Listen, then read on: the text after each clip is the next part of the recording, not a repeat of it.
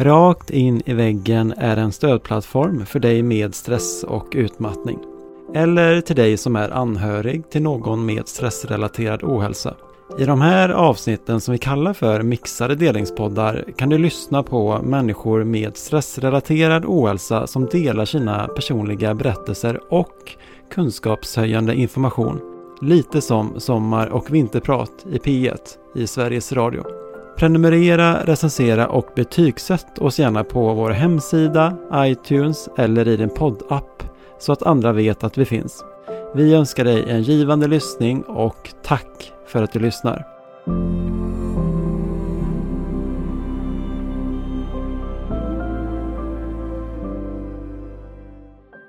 Och det lustiga i allt detta är, när min man nådde sin gräns och tog tag i sitt missbruk, så gav han det 100 procent.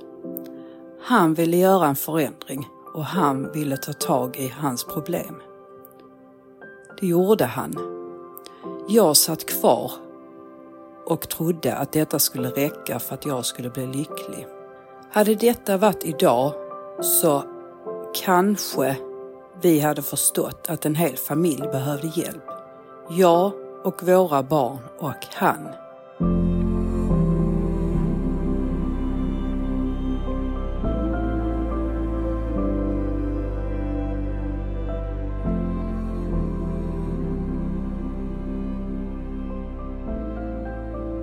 Jag är förväntansfull. Det är julafton. Vi går tillbaka ungefär 40 år i tiden. Jag är på väg att ska fira jul hos min farmor och farfar. Det är jag, min mamma, min pappa och min farmor och farfar. Hela släkten är samlad. Ja, så kändes det just då. Vi var väldigt få i vår släkt och jag var enormt avundsjuk på mina kompisar som skulle åka och fira med sina kusiner, syskon och stora släkter. Redan då drömde jag om den där stora familjen trots att jag bara var åtta år gammal. Det var väl ungefär den drömmen jag kan minnas att jag hade som barn, att få min egna familj. Vi sitter i bilen och är på väg dit.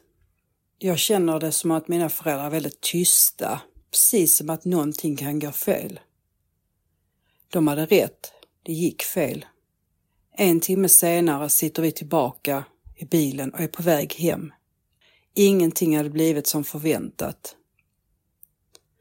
Det jag inte visste då, men som jag vet med all säkerhet idag, så här många år senare, det är att mina farmor och farfar var alkoholister. Situationen vi hamnade i denna dagen pratade vi aldrig om, inte då och aldrig någonsin. Hej, jag heter Jenny Larsson. Idag ska jag ta med dig på min resa min resa om den där inre utmattningen som bara finns där precis hela tiden. Jag har alltid haft ett extremt behov av att vara behövd. Jag vet inte varför allt blev som det blev. Men idag kan jag säga att jag har förståelse för att det blev som det blev. Jag hoppas du vill hänga med och lyssna om hur det är att leva ett anhörigskap, dålig självkänsla där allting präglas runt att jag ska få alla andra till att må bra utan att ha en enda eftertanke på vem jag är eller hur behöver jag må. Den där familjen jag drömde om, den kom. Jag var ung och naiv och fick tre snabba barn. Tack, tack för att det blev så. Hade jag vetat utmaningen med att vara mamma så hade jag nog undrat om jag skulle ge mig in på den resan. Men någonstans så var det en himla tur att jag visste inte vad jag gav mig in på. Men det jag visste, det var att detta hade jag drömt om och drömde fortfarande om. Jag var oerhört tacksam att jag fick er. Tack mina älskade barn. Jag har massor av gånger funderat på att vad var det jag hade med mig vid min födsel? Var det någonting som var konstigt? Nej, jag växte upp i en helt vanlig familj. Jag skulle ändå vilja säga att det är nog så som alla andra har tyckt att mina barn också har gjort. Men den familjen jag växte upp i var mycket mer helt vanlig än vad det visade sig att min familj skulle bli där jag var mamma och hade fullt ansvar. Ett ansvar som var för stort för mig för att klara av. Jag var massor av år upptagen av att kunna rädda mina barns pappa från ett beroende. All min tid och energi präglas av att fixa honom. För om jag fixade honom så kom allting resten till att fixa sig. Han valde jag med omsorg när jag var ung. Han var lite extra tuff, lite extra cool och lite extra snygg. Han var också ganska stökig och bökig. Och det var ju det jag föll för.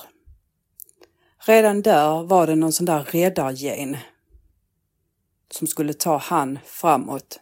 Om han togs framåt så blev jag nöjd och jag blev lycklig. Jag såg inget värde i mig själv. Jag funderade inte en enda gång på att är det så här någon annan ska behandla mig? Är jag förtjänt av dessa sveken? Är jag förtjänt av att inte känna tillit till den jag lever med? Är jag förtjänt av att någon ska lura mig? Jag funderar faktiskt inte på det. Jag visste nog inte ens vad ett självvärde var. Jag värderade inte någonting inom mig själv. Jag var liksom, tänkte hela tiden att man ger inte upp så lätt. Detta här måste vi lösa. Det har jag förstått idag att mycket handlar om att man måste lösa en situation. Men ingenting kan ju lösas bara av att lösa en situation. Saker stannar kvar, det gör ont, det kommer alltid vara med. Och ja, jag tänker många gånger, hur stod jag ut? Men jag stod ut, för jag hade ett uppdrag och uppdraget var att det skulle gå i mål och att det skulle bli bra. Idag står jag här och mår bra. Det gick inte alla gånger bra, men jag mår bra. Men det är ett högt pris att betala. Att låta en med en beroendeproblematik styra och ställa så att alla far illa. Vem var jag om inte jag skulle fortsätta leva med honom? Vem var jag när jag levde med honom? Jag var ingen. Jag, jo, det var jag. Jag var den starka kvinnan som klarade allt. Men jag var också den kvinnan som gärna satte på mig en fasad och låtsades att allting var bra. För jag kunde väl inte gå och berätta för någon om hur det var och sen dessutom liksom säga att jag stannar kvar i detta. Jag visste någonstans långt där inom mig att jag hade ett eget ansvar över mig själv. Just därför var jag tyst. För att när jag är tyst så är det ungefär som att det inte har hänt. Pratar vi inte om det så har det inte hänt. Samma känsla som jag hade som åttaåring när mina föräldrar inte pratade om varför vi fick lämna den julafton innan den ens hade börjat. För att de var besvikna på hur de blev bemötta när vi skulle ha en mysig jul ihop. Jag hade lärt mig att vara tyst och det utnyttjade jag till max. Jag spelar inte in detta poddavsnittet för att någon ska bli dömd eller få skuld eller känna skuld för det som är gjort. Jag spelar in detta avsnittet för att jag kanske kan hjälpa dig och att du, just du, ska veta att du inte är ensam om du känner igen dig i min historia. Mitt liv, vuxna liv, bestod av att jag förminskade mig själv. Jag trippade på tå. Jag gjorde allt för att stävja konflikter jag svarade på min mans frågor när han fick en fråga från en annan för jag var rädd att han skulle svara fel. Allt detta här äh, handlade om en rädsla att bli övergiven. Och det lustiga i allt detta är, när min man nådde sin gräns och tog tag i sitt missbruk, så gav han det 100 procent. Han ville göra en förändring och han ville ta tag i hans problem. Det gjorde han. Jag satt kvar och trodde att detta skulle räcka för att jag skulle bli lycklig. Hade detta varit idag så kanske vi hade förstått att en hel familj behövde hjälp. Jag och våra barn och han. Men nu är detta många år sedan och då trodde man att det räckte att den med missbruksproblematik tog tag i sitt. Han tog tag i sitt och jag levde kvar med mitt. Mitt beteende ändrades inte. Jag fortsatte vara den största kontrollanten. Jag kände fortfarande ingen tillit. Och jag tyckte mig vara den som visste bäst. Jag kunde bli riktigt sur om jag blev frågasatt och väldigt kränkt om jag, någon upplevde att inte jag hade rätt. Jag levde i ett stort medberoende som jag förmodligen har haft under hela mitt liv. Kanske till och med född med det, men det spelar ingen roll idag. Vem såg jag nu när jag tittar mig i spegeln? Jag såg fortfarande en trasig mamma med en trasig familj. När jag känner mig trasig så är det också svårt att vara ett stöd till ditt barn som kanske inte får vara med och leka eller kanske inte blivit bjuden på ett kalas. Jag vill ju bara skrika och bara säga vad har du gjort för att inte bli bjuden? Vad har du gjort för att inte få vara med i leken? För att det var ju det jag var van vid, att man har gjort någonting fel. Hur ska jag kunna vara ett stöd till ett litet barn som bara precis behöver tröst och höra att allt kommer bli bra när jag själv känner att inom mig så är det ett sånt utanförskap som bara bubblar. Jag känner igen känslan hos mitt barn och jag kan inte handskas med den.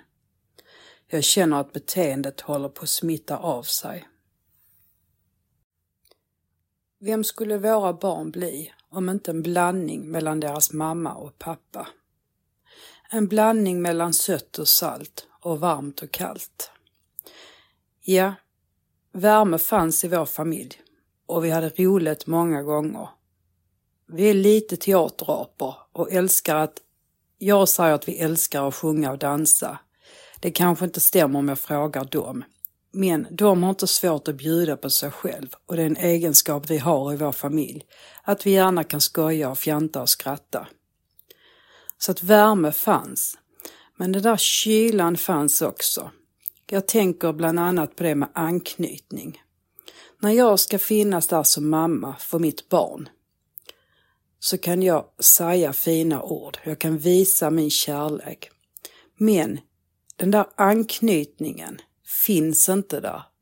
Jag visste inte ens vad anknytning var. Hade någon sagt till mig för många år sedan att du har anknytningsproblem så hade jag blivit helt förkrossad. Men jag vet att jag hade anknytningsproblem och har till viss del fortfarande. Det har ingenting med kärlek att göra, men jag hade inte lärt mig knyta an. Jag hade inte lärt mig känna den tilliten och den innerliga kärleken med den enorma närhet som man kan göra. Jag levde i en tro om att yttre faktorer var det som spelade roll vad det gällde livet. Jag hade en skyldighet att sköta mig och det har jag nog alltid gjort. Jag hade en skyldighet till att ge mina barn mat och bostad och det har jag klarat av. De här praktiska yttre faktorerna, det var det som jag visste om. De där inre känslorna, det var någonting som gjorde ont. Ju mindre tid jag hade, ju bättre mådde jag. Ju mer bokat det var i min kalender, ju bättre kändes det. Skulle det finnas en lucka där jag blev ensam så kunde jag känna att jag nästan fick panik. Ringde det oväntat på min ytterdörr kom stresspåslagen som ett brev på posten. Öppnade jag brevlådan så var jag rädd att det skulle finnas en konstig obetald räkning och jag fick en klump i min mage. Ringde någon av mina barns lärare så var jag inställd på det värsta. Jag levde mycket under ett katastroftänk. 24-7 skulle jag nog vilja säga. Jag oroade mig för mina barn. Jag oroade mig för deras beteende. Jag oroade mig på vilken väg de var på väg att gå. En väg jag såg inte var så bra, men jag kunde inte hindra dem. Vissa delar av deras val förstod jag direkt att det kunde handla om en viss ålder i deras liv, där man vill utmana öde och utmana sig själv lite extra. Men vissa val de gjorde förknippade jag direkt med en gen från en pappa med beroendeproblematik och en mamma med en problematik av medberoende. Det blev verkligen Larssons blandning kan man väl säga. Jag vaknade upp flera gånger i veckan av någon konstig mardröm jag hade. Den fanns med mig under 15 år i mitt liv. En mardröm där jag hade en känsla av att vara instängd. Jag vaknade kallsvettig och bara kände ta ut mig, ta ut mig. Jag hade också en ångest flera gånger när jag gick och la mig. En ångest som blev strypkänslor och strypkänslor som blev en rädsla för att dö. Det var precis som när jag la mig där i min säng så kom tankarna, tänk om jag dör. Jag hade sån dödsångest. Men idag vet jag att det var ångest för att leva. Jag hade en ångest för hur mitt liv hade blivit. Jag känner, har aldrig någonsin känt att jag inte vill leva. Men jag har många gånger känt att det inte var det livet jag ville leva. Jag kämpade och kämpade och fokuserade så mycket på problemen som hade kommit till mina barn och som de faktiskt nu hade satt sig själv i. Jag fokuserade så mycket på problemen så att deras problem kunde gro och växa ordentligt. Ytterligare en gång ville jag hitta lösningar, lösningar på deras problem. Om vi bara löser detta här så kommer det bli annorlunda. Då kommer ni må bra och alla kommer bli lyckliga. En fras som spelades upp ytterligare en gång i mitt liv. Jag hade känt av den tidigare, men denna gången gjorde den ännu mer ont, om det var så att den kunde göra ännu mer ont. Jag hade tagit på mig min egna roll i min familj. Jag var alltid hjälparen och räddaren. De andra fyra i familjen hade roller som hjälte, klanen, syndabocken och en var för det mesta osynlig.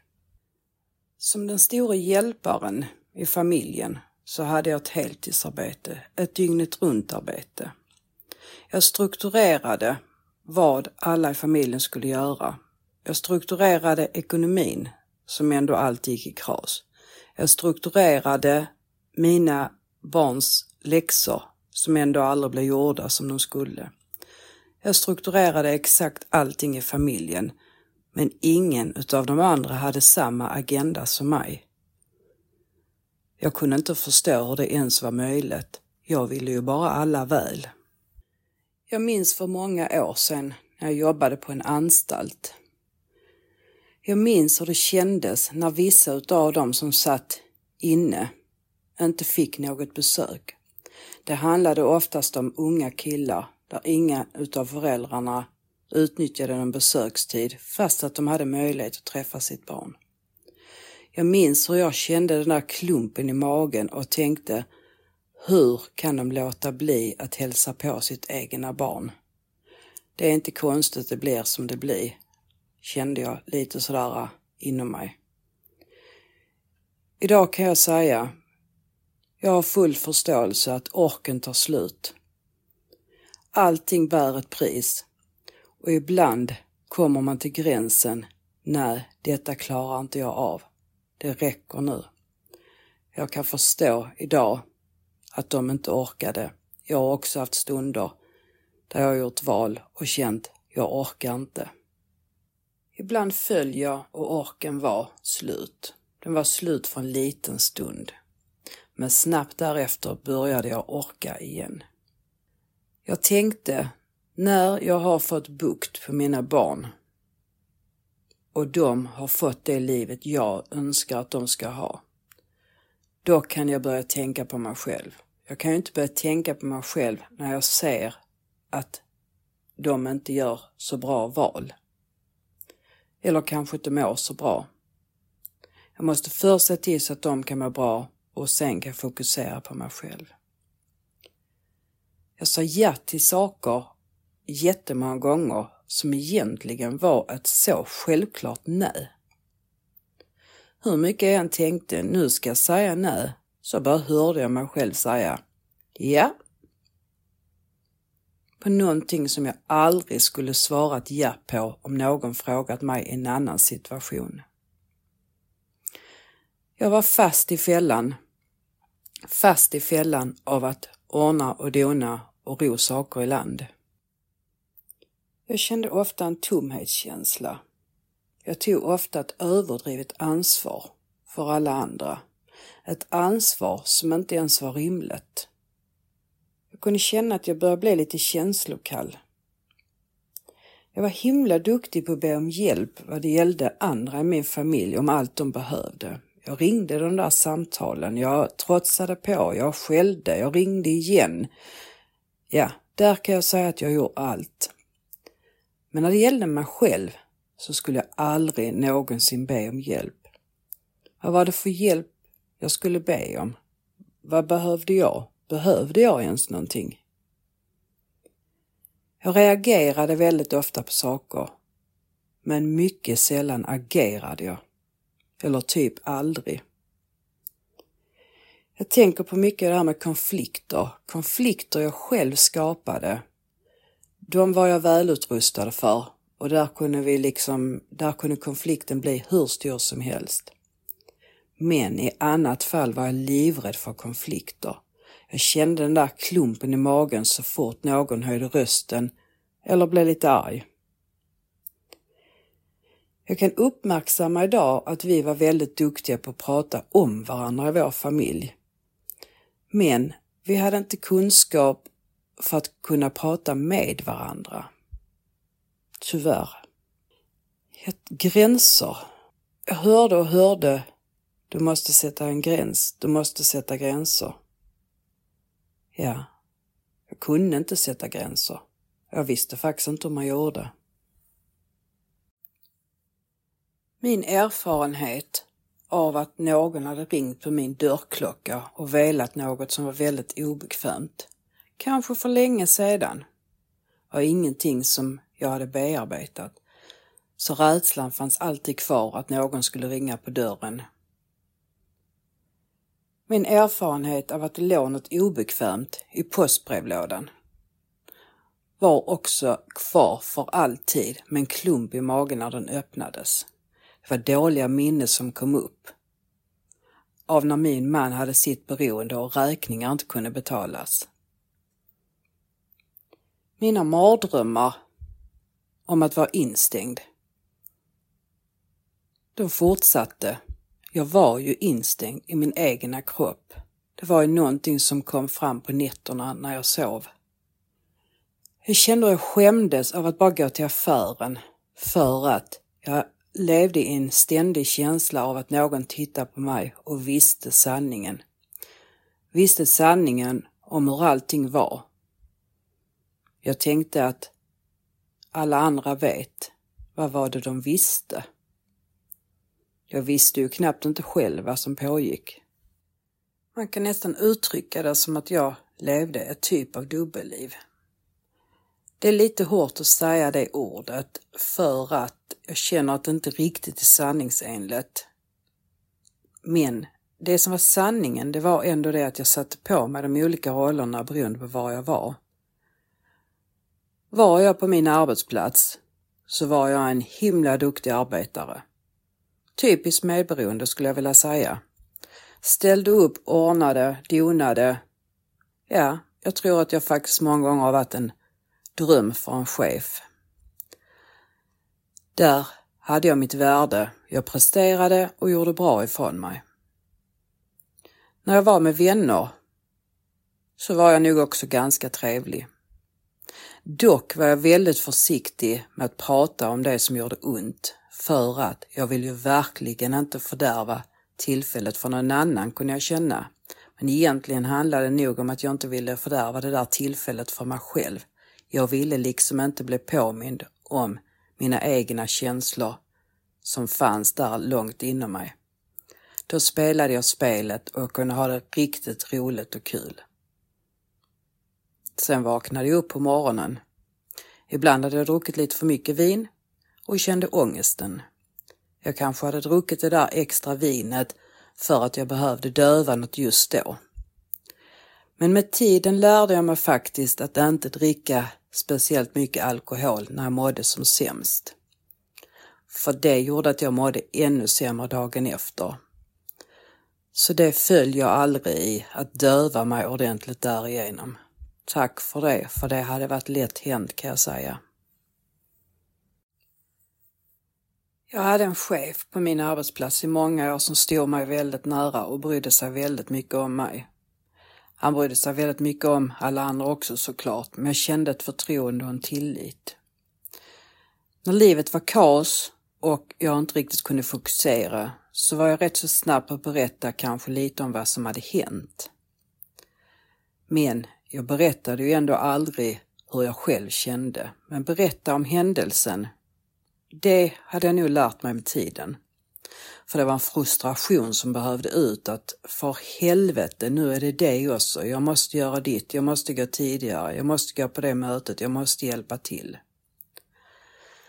Fast att jag hade berättat mycket av händelser och han visste om en hel del så var det riktigt, riktigt jobbigt att en dag behöva säga jag behöver sjukskriva mig.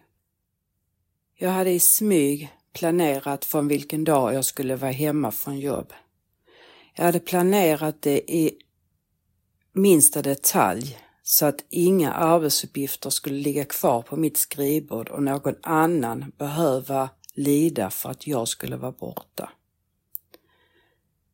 Jag sa till han, från den och den datumen kommer jag vara sjuk. Allting är fixat och klart så att ingen behöver vikariera för mig. Jag behöver bara vila upp mig. Han blev chockad över att hur kunde jag liksom göra det på detta sättet? Han sa du är drömmen för en chef, du planerar till och med din egen sjukskrivning. Har du tänkt på vad konstigt det är av dig att göra det? Ja, jag hade tänkt att det var väldigt konstigt av mig att göra det. Men det jag var duktig på, det vill jag ju inte känna mig helt plötsligt värdelös på. Om jag inte klarar av mitt jobb, då var ju min känsla att jag inte klarade av någonting alls. Ändå hade jag känt de där signalerna att det började brinna i huvudet under min arbetstid. Mitt minne om var jag var, vilken arbetsuppgift jag skulle göra, hade liksom suddats bort. Saker jag hade sagt eller bokat in hade jag glömt att skriva in i min kalender. Ja, jag kände faktiskt hur det brann i mitt huvud och jag var så oerhört trött. Min sjukskrivningsdag kom. Jag kan känna den där känslan inom mig när jag vaknar upp den morgonen. Jag var himla trött och behövde vila. Men samtidigt så var det någonting som gav mig någon energi.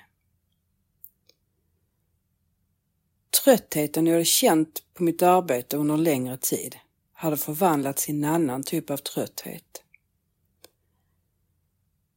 Jag tillät mig vara trött, men jag var ändå ganska noga med att försöka få mina dagar hyfsat bra. Jag kände ingenting att jag behövde prestera.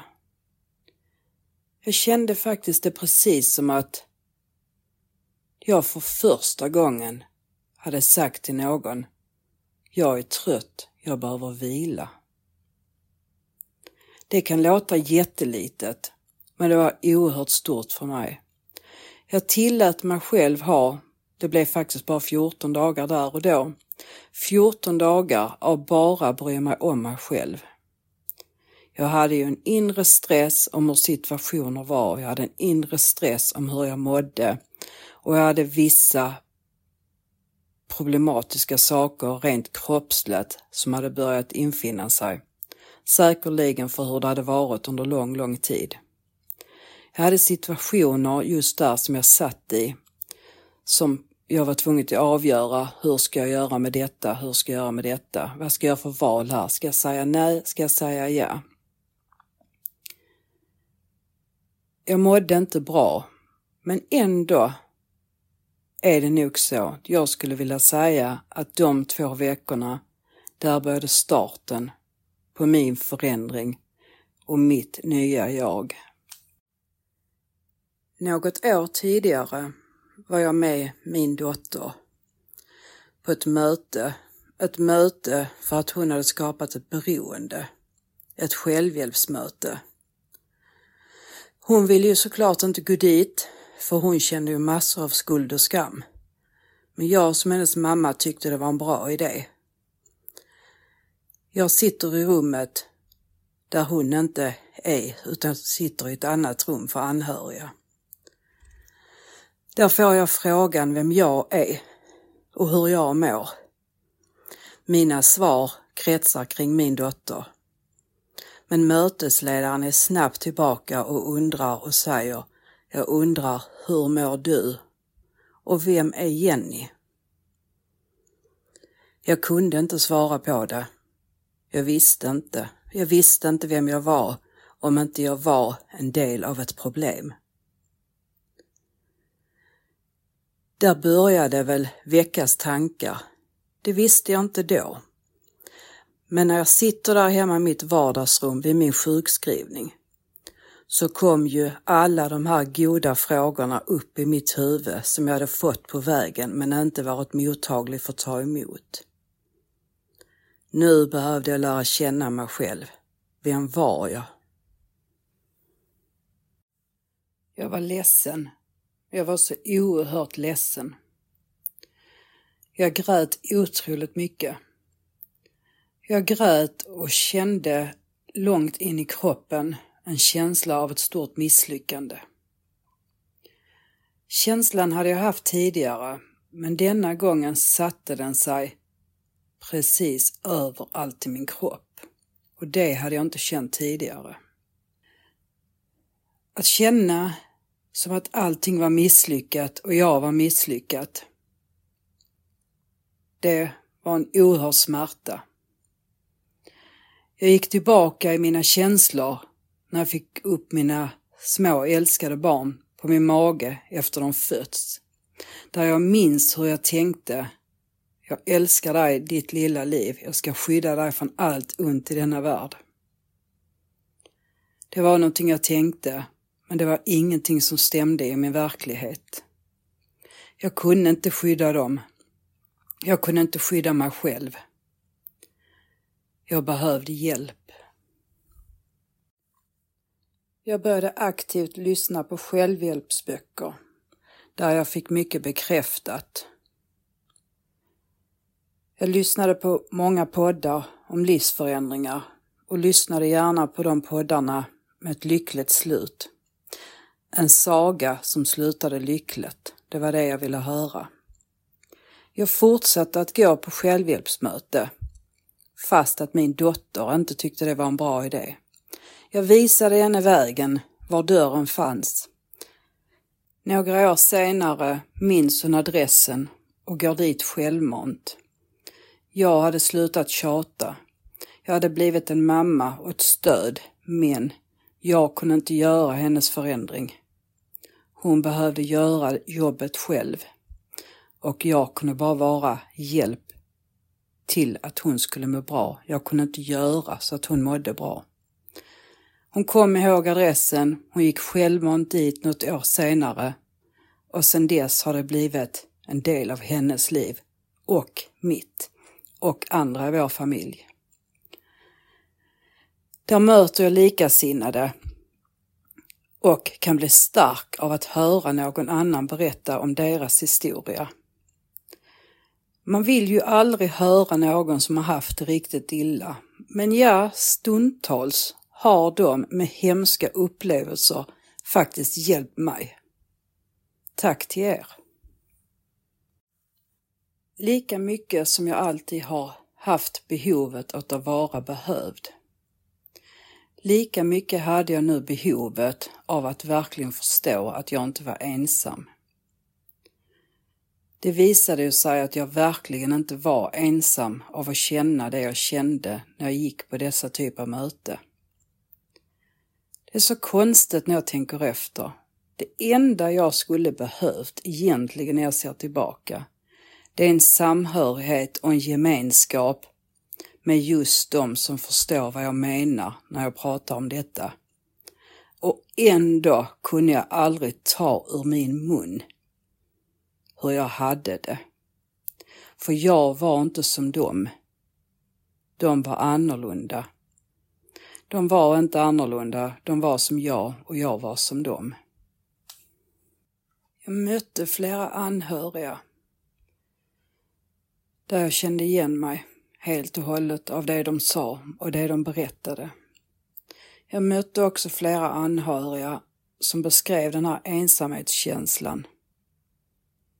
Fortfarande var det ju faktiskt så att fokus var på den med beroendeproblematik.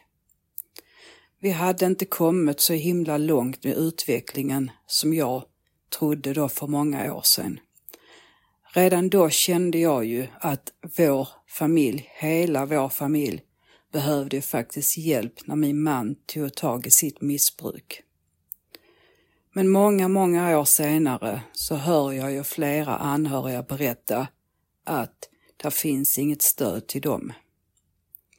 Jag vet att det finns stöd att få, men jag vet också om att det är ganska komplicerat, för jag har testat under åren och det har inte varit helt enkelt.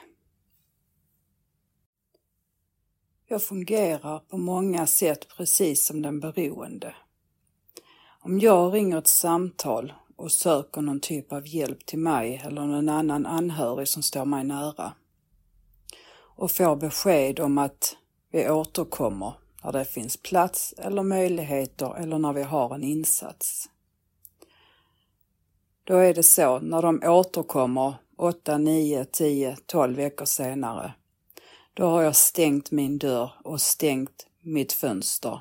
Jag är inte längre mottaglig. Mycket fungerar faktiskt på exakt samma sätt. Vi går igenom skulden, vi går igenom skammen, vi går igenom rädslan, vi går igenom helvetet.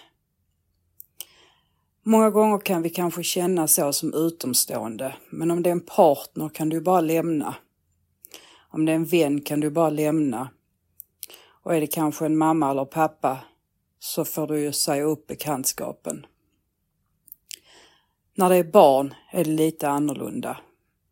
Ja, mycket är annorlunda med att vara mamma till beroendesjuka.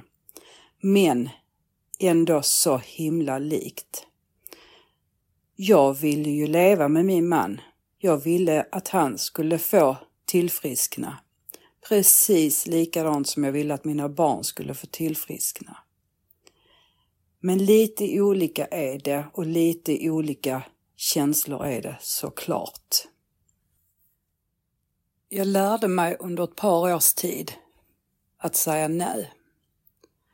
Någonting så självklart för vissa att bara kunna säga nej när du menar nej, säga ja när du menar ja. För min del var det inte så att jag bara lärde mig det, utan jag kom i situationer som helt enkelt tvingade mig till att säga nej. En gräns var nådd, min gräns var nådd. Ett ja här kunde bli förödande konsekvenser för mig och många i min närhet. Men det som hände när jag kom i de situationerna, det var att efter ett tag hade jag faktiskt riktigt svårt för att säga ja. Jag var så inställd på att jag hela tiden måste säga nej, nej, nej. Så att när någon ville erbjuda någonting som faktiskt var åt det positiva hållet, kanske en rolig händelse att göra, en överraskning, ja, någonting som faktiskt bara var positivt, så blev jag nej, nej. Överraskningar har jag inte klarat av under typ hela mitt vuxna liv. Det har jag alltid förknippat med någonting negativt. Jag har fått så mycket överraskningar och de har inte varit positiva. Idag får jag öva mig upp för att faktiskt tillåta mig själv att känna tillit till att överraskningen är något positivt. Det ger mycket konsekvenser att leva med denna stressen. Men när medvetenheten infinner sig så händer det ju något magiskt. Hur infann den sig hos mig? Jag har gått många år i utbildningar, olika sorts utbildningar som har varit genom mina arbetsplatser. Jag har även gått föräldrakurser, men det har kunnat vara utbildningar om ledarskap, personlig utveckling, företagsmål. Allt det här äh, som har med en arbetsplats att göra. Men en utbildning som handlar om mig, att leda mig själv, den hade jag aldrig sett och har fortfarande kanske sett den för att jag nu har de öppna ögonen. Men det var ju ingen utbildning som du bara såg. Men en dag där mitt i, ett tag innan min planerade sjukskrivning, så var jag med om en slump.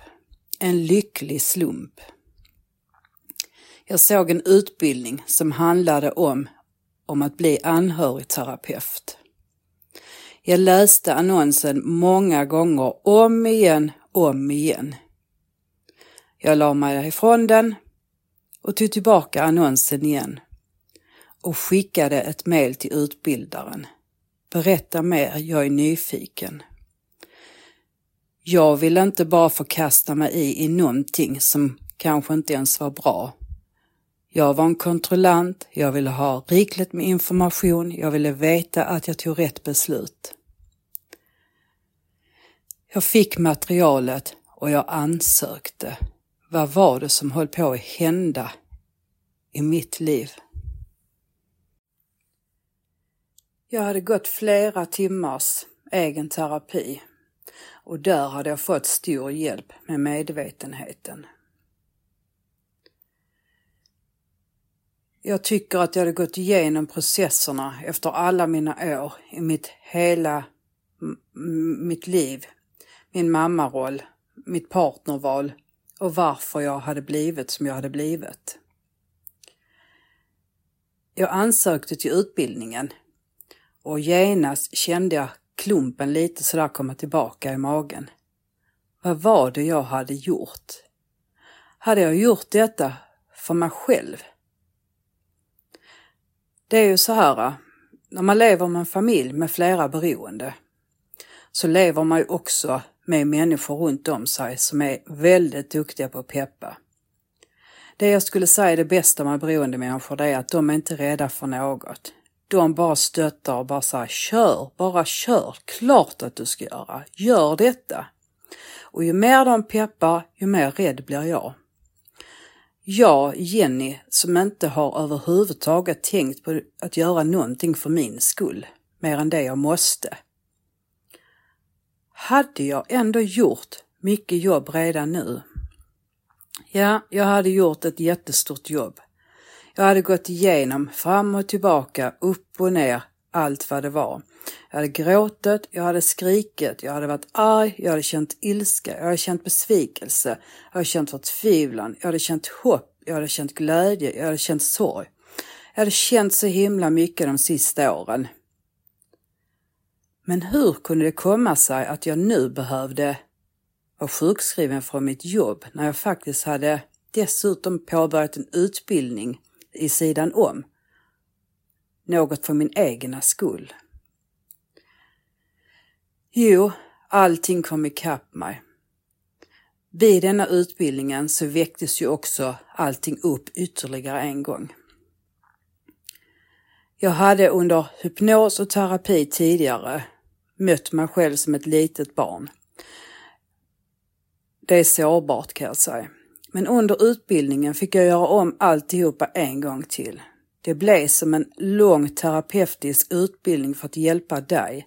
Men det blev också som en lång terapeutisk utbildning för att gå igenom mitt liv en gång till och hjälpa mig själv. Jag gick tillbaka till min arbetsplats efter att varit sjukskriven i de två veckorna där jag tog hand om mig själv. Aldrig någonsin blev det sig likt.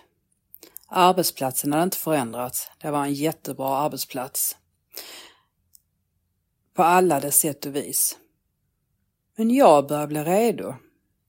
Jag var någon annanstans i mitt liv. Jag gick igenom någonting annat inom mig.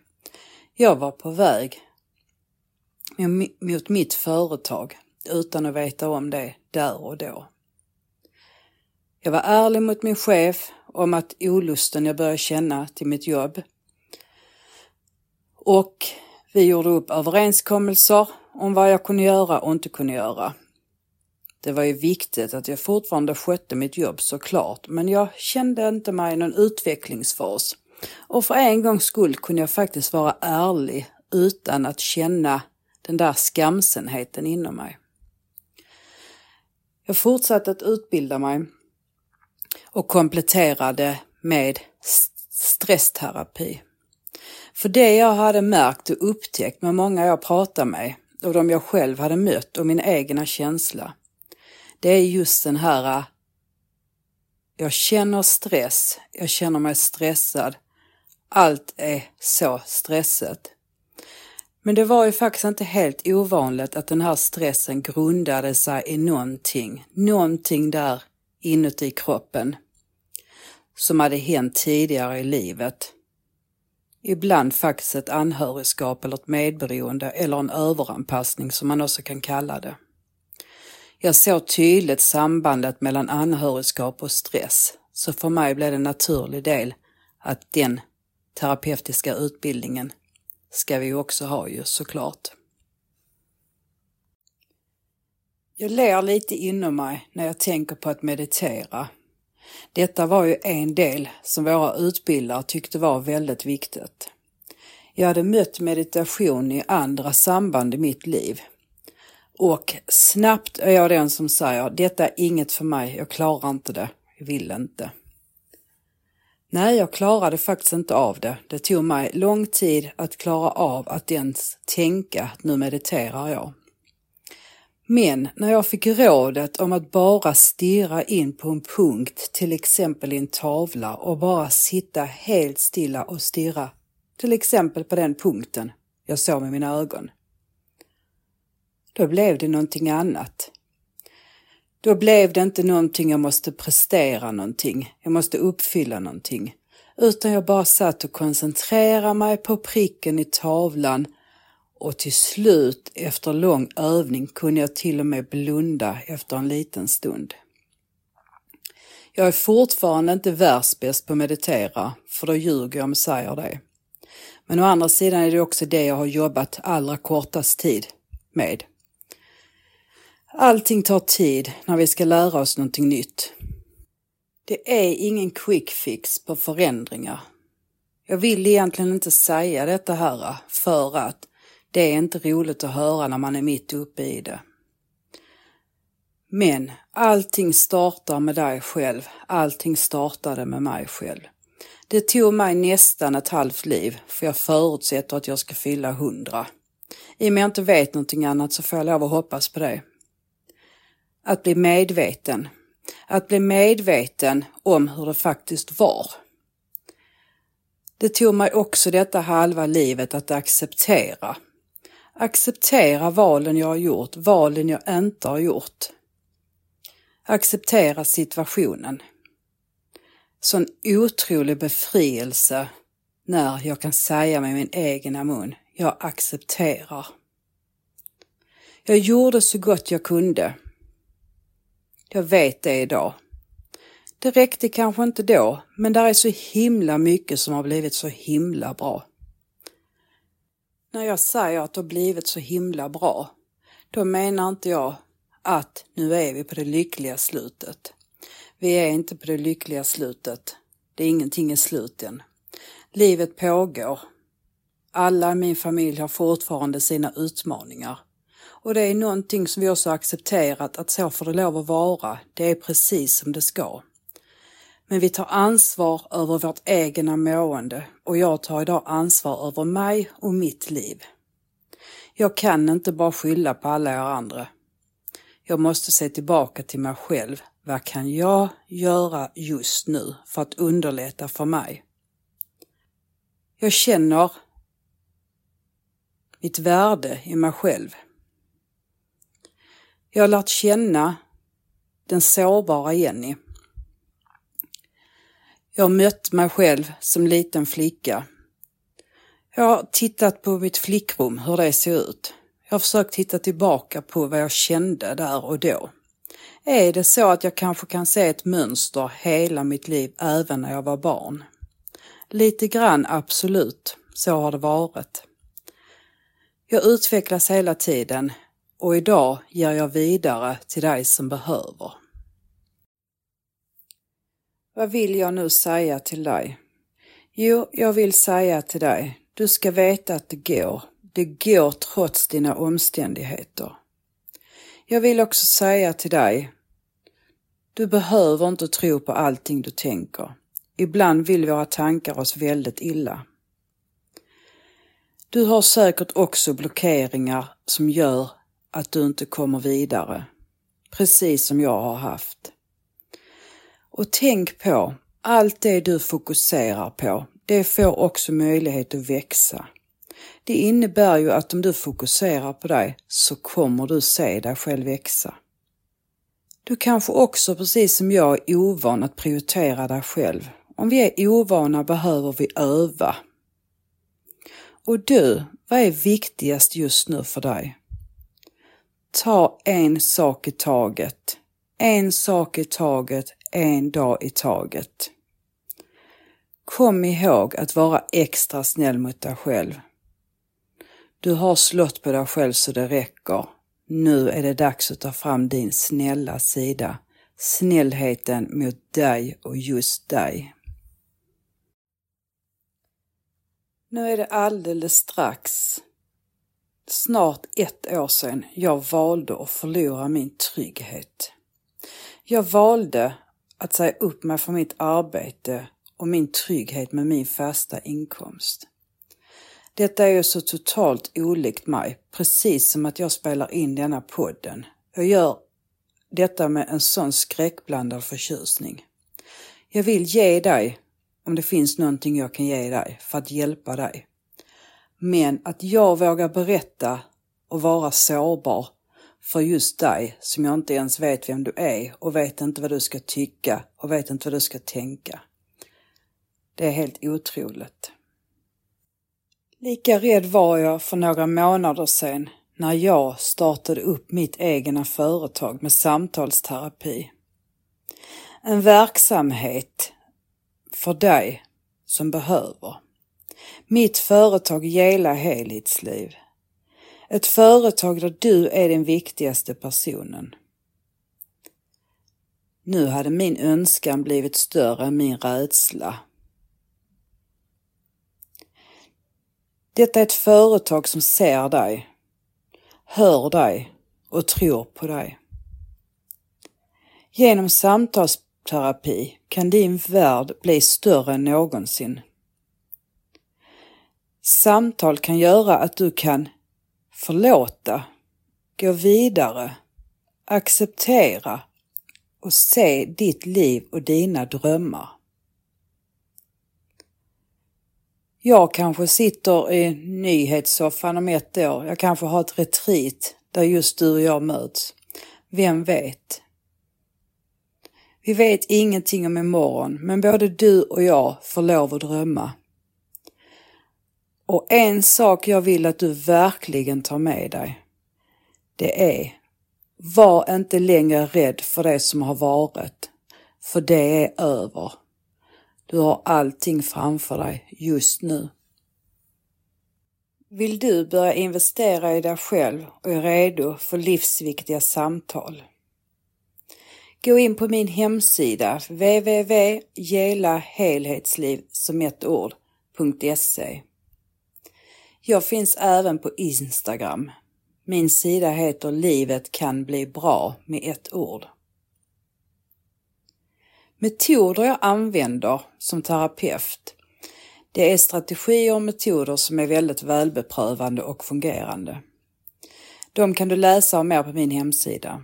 Men där är en metod som sticker ut.